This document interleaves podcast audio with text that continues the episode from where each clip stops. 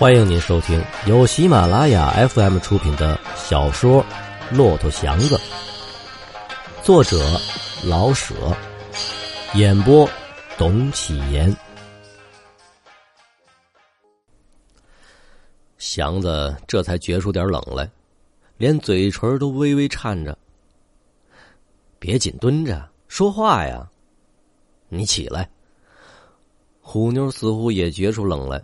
愿意活动几步，祥子僵不吃的站起来，随着他往北走，还是找不到话说，浑身都有些发木，像刚被冻醒了似的。你没主意啊？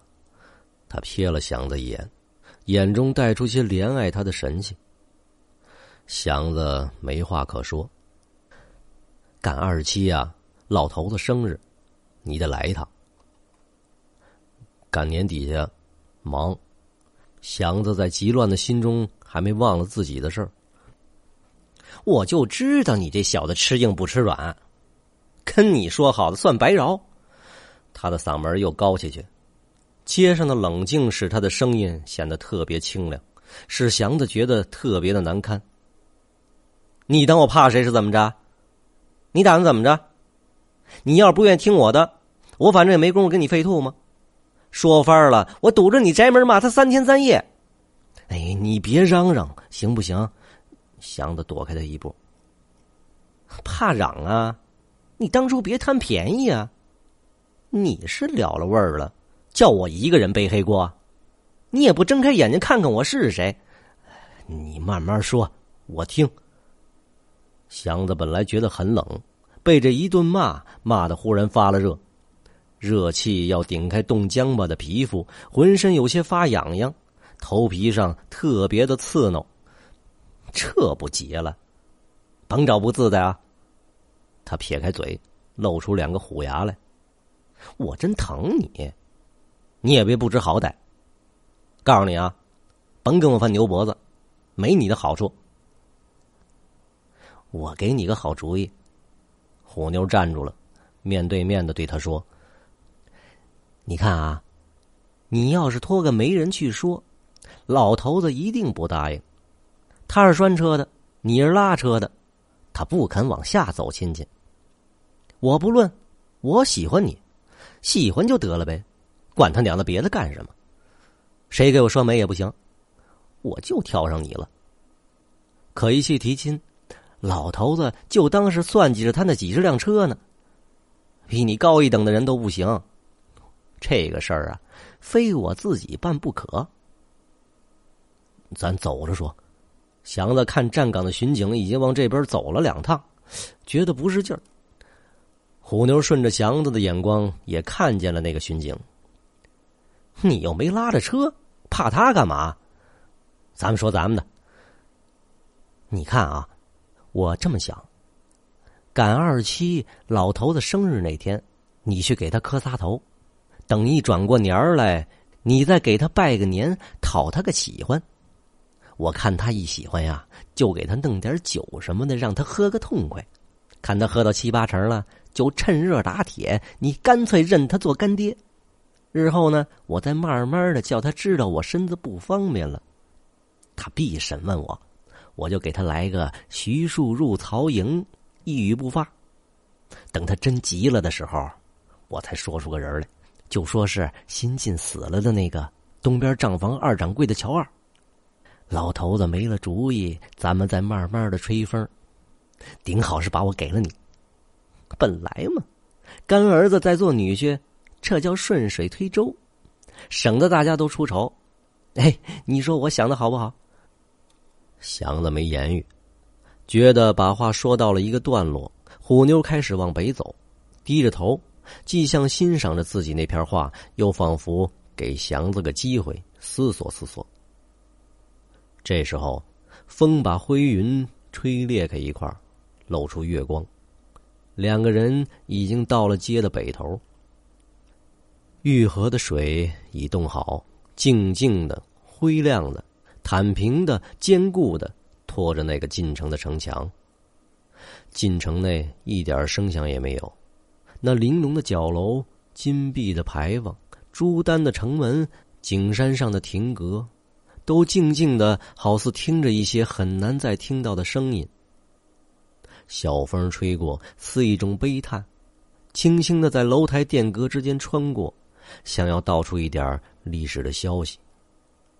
虎妞往西走，祥子跟到了金鳌玉洞，桥上几乎没有了行人，微明的月光冷寂的照着桥左右的两大幅冰场。远处亭阁暗淡的带着些黑影，静静的似冻在湖上。只有顶上的黄瓦闪着点微光，树木微动，月色更显微茫，白塔却高耸到云间，傻白傻白的，把一切都带得冷寂萧索。整个的三海在人工的雕琢中显出北地的荒寒。到了桥头上，两面冰上的冷气让祥子哆嗦了一下，他不愿再走。平日里，他拉着车过桥，把精神全放在脚下，唯恐出了错，一点也顾不得向左右看。现在，他可以自由的看一眼了，可是他心中觉得这个景色有些可怕。那些灰冷的冰，微动的树影，惨白的高塔，都寂寞的似乎要忽然狂喊一声，或狂走起来。就是脚下这座大石桥，也显得异常的空寂。特别的白净，连灯光都有点凄凉。他不愿再走，也不愿再看，更不愿再陪着他。他真想一下跳下去，头朝下砸破了冰，沉下去，像个死鱼似的，冻在冰里。祥子，就这么办了啊！二十七见。他朝着祥子宽直的脊背说，说完，他撩了白塔一眼。叹了口气，向西走去。祥子连头也没回，像有鬼跟着似的，呲溜便钻到了团城。走得太慌，几乎碰到了城墙上，一手扶住了墙，他不由得要哭出来。愣了会儿，桥上叫：“祥子，祥子，这儿来，祥子。”虎妞的声音。他极慢的向桥上挪了两步，虎妞仰着身儿，正往下走，嘴张着点儿。我说：“祥子，你这儿来，给你。”他还没挪动几步，虎妞已经到了身前，给你，你存的三十多块钱，有几毛零的呀？我给你补足了一块，给你。不为别的啊，就为表表我的心，我惦念着你，疼你，护着你，别的都甭说。你别忘恩负义就得了。那，好好拿着，丢了可别赖我啊。祥子把钱接过来，愣了会儿，找不到话说。得，咱们二十七见，不见不散啊。他笑了笑，便宜是你自己的，你自己啊，细细的算算得了。他转身往回走。祥子攥着那沓票子，呆呆的看着他。一直到桥背，把他的头遮下去，灰云又把月光遮住，灯更亮了。他转身，放开步往回走，疯了似的走到街门，心中还存着那个惨白冷落的桥影，仿佛只隔了一眨眼的功夫。到了屋里，他先数了数那几张票子，数了两三遍，手心的汗把票子攥得发黏，总数不利落。数完，放在了闷葫芦罐里，坐在床沿上，呆呆的看着这个瓦器。他打算什么也不去想了，有钱便有办法。他很相信这个闷葫芦罐会替他解决一切，不必再想什么了。玉河、景山、白塔、大桥、虎妞、肚子，都是梦。梦醒了，瓦罐里却多了三十几块钱，真的。看够了，他把瓦罐藏好，打算睡大觉了。天大的困难也能睡过去，明天再说。躺下之后，他闭不上眼，那些个事儿就像一窝蜂似的，你出来我进去，每个肚子尖上都有个刺。不愿意去想，也实在是因为没法想。虎妞已把道都堵住，他没法逃脱。最好是跺脚一走，可是祥子不能走，就是让他去看守北海的白塔去，他也乐意，就是不能下乡，上别的都市。他想不出比北平再好的地方，他不能走，他愿意死在这儿。既然不想走。别的就不用再费精神去思索了。虎妞说得出来就行得出来，不依着他的道走，他真会老跟着他闹哄。只要他在北平，他就会找得着他，把他着急了，他还会抬出刘四爷来。刘四爷要是买出一两个人，不用往多了说，在哪个僻静的地方也能要了祥子的命。把虎妞的话从头至尾想了一遍。他觉得像掉在个陷阱里，而且手脚全被夹子夹住，绝没法跑。他不能一个个的去批评他的主意，所以就找不出他的缝子来。他只感到他撒的是绝户网，连个寸大的小鱼儿也逃不出去。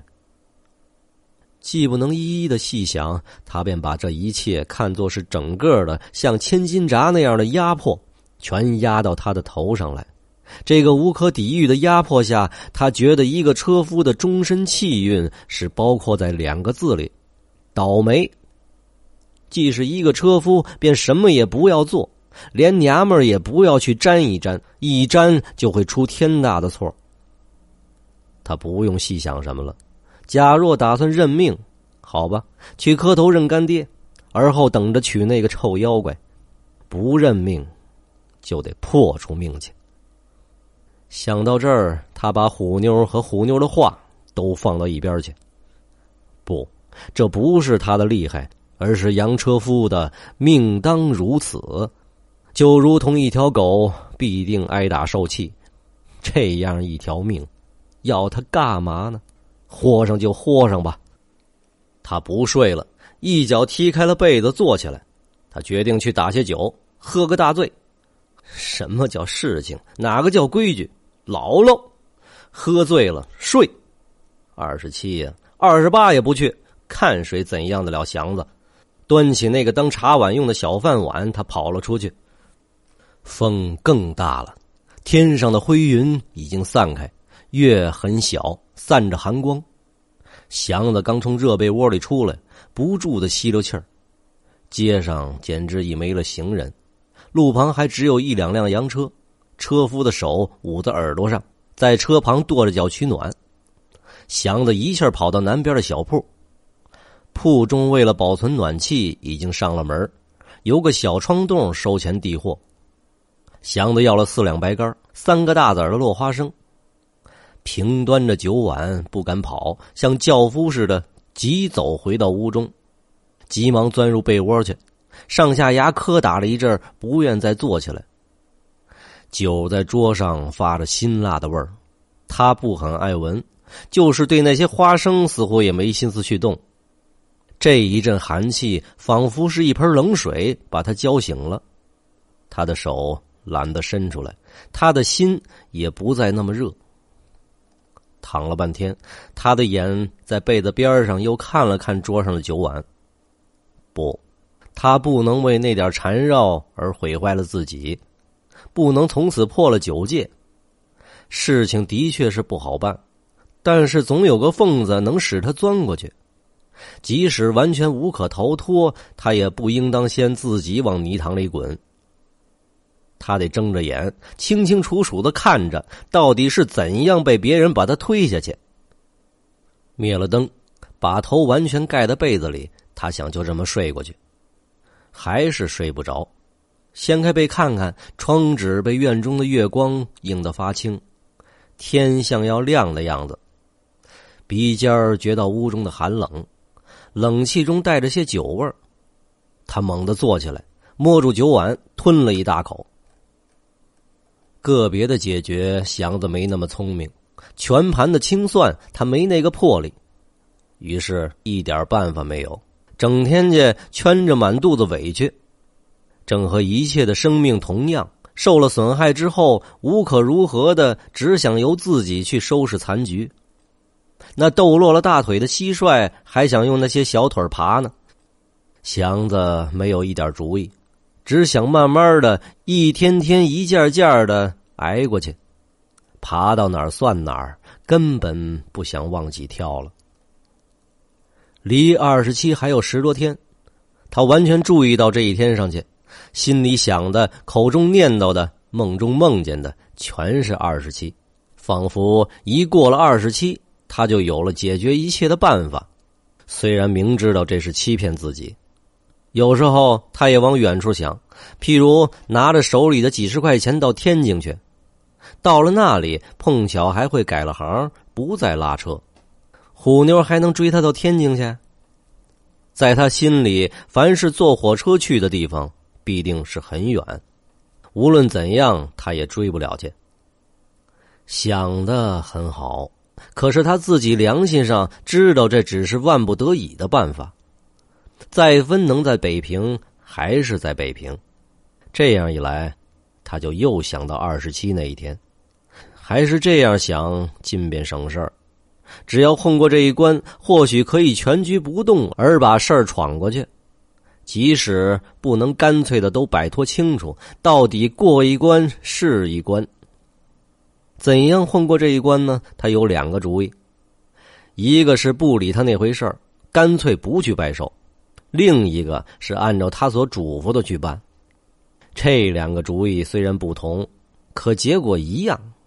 不去呢？虎妞必不会善罢甘休，去呢，他也不会饶了他。他还记得刚拉车的时候，模仿着别人见小巷就钻，为的是抄点劲儿，而误入了罗圈胡同，绕了圈又绕回到原街。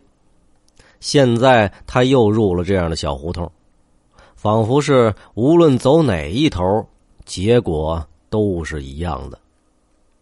在没办法之中，他试着往好里想。就干脆要了他，又有什么不可以呢？可是，无论从哪方面想，他都觉得憋气。想想他的模样，他只能摇头。不管模样吧，想想他的行为，哎，就凭自己这样要强、这样规矩，而娶那么个破货，他不能再见人，连死后都没脸见父母。谁准知道他肚子里的小孩是他的不是呢？不错，他会带过几辆车来，能保准吗？刘四爷并非是好惹的人，即使一切顺利，他也受不了。他能干得过虎妞？他只需伸出个小手指，就能把他支持的头晕眼花，不认识了东南西北。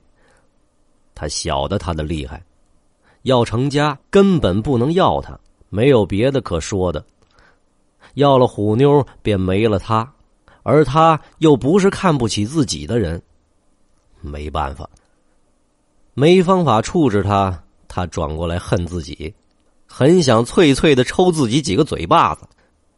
可是说真的，自己并没什么过错，一切都是他布置好的，单等他来上套。毛病似乎是在他太老实，老实就必定吃亏。没有情理可讲。更让他难过的是，没地方去诉诉委屈。他没有父母兄弟，没有朋友。平日里，他觉得自己是头顶着天，脚踩着地，无牵无挂的一条好汉。现在，他才明白过来，悔悟过来，人是不能独自活着的。特别是对那些同行，现在都似乎有点可爱。假若他平日交下几个，他想像他自己一样的大汉，再多几个虎妞，他也不怕了。他们会给他出主意，会替他拔创卖力气。可是他始终是一个人，临时想抓朋友是不大容易的。他感到一点向来没有过的恐惧。照这么下去，谁都会欺负他，独自一个。是顶不住天的。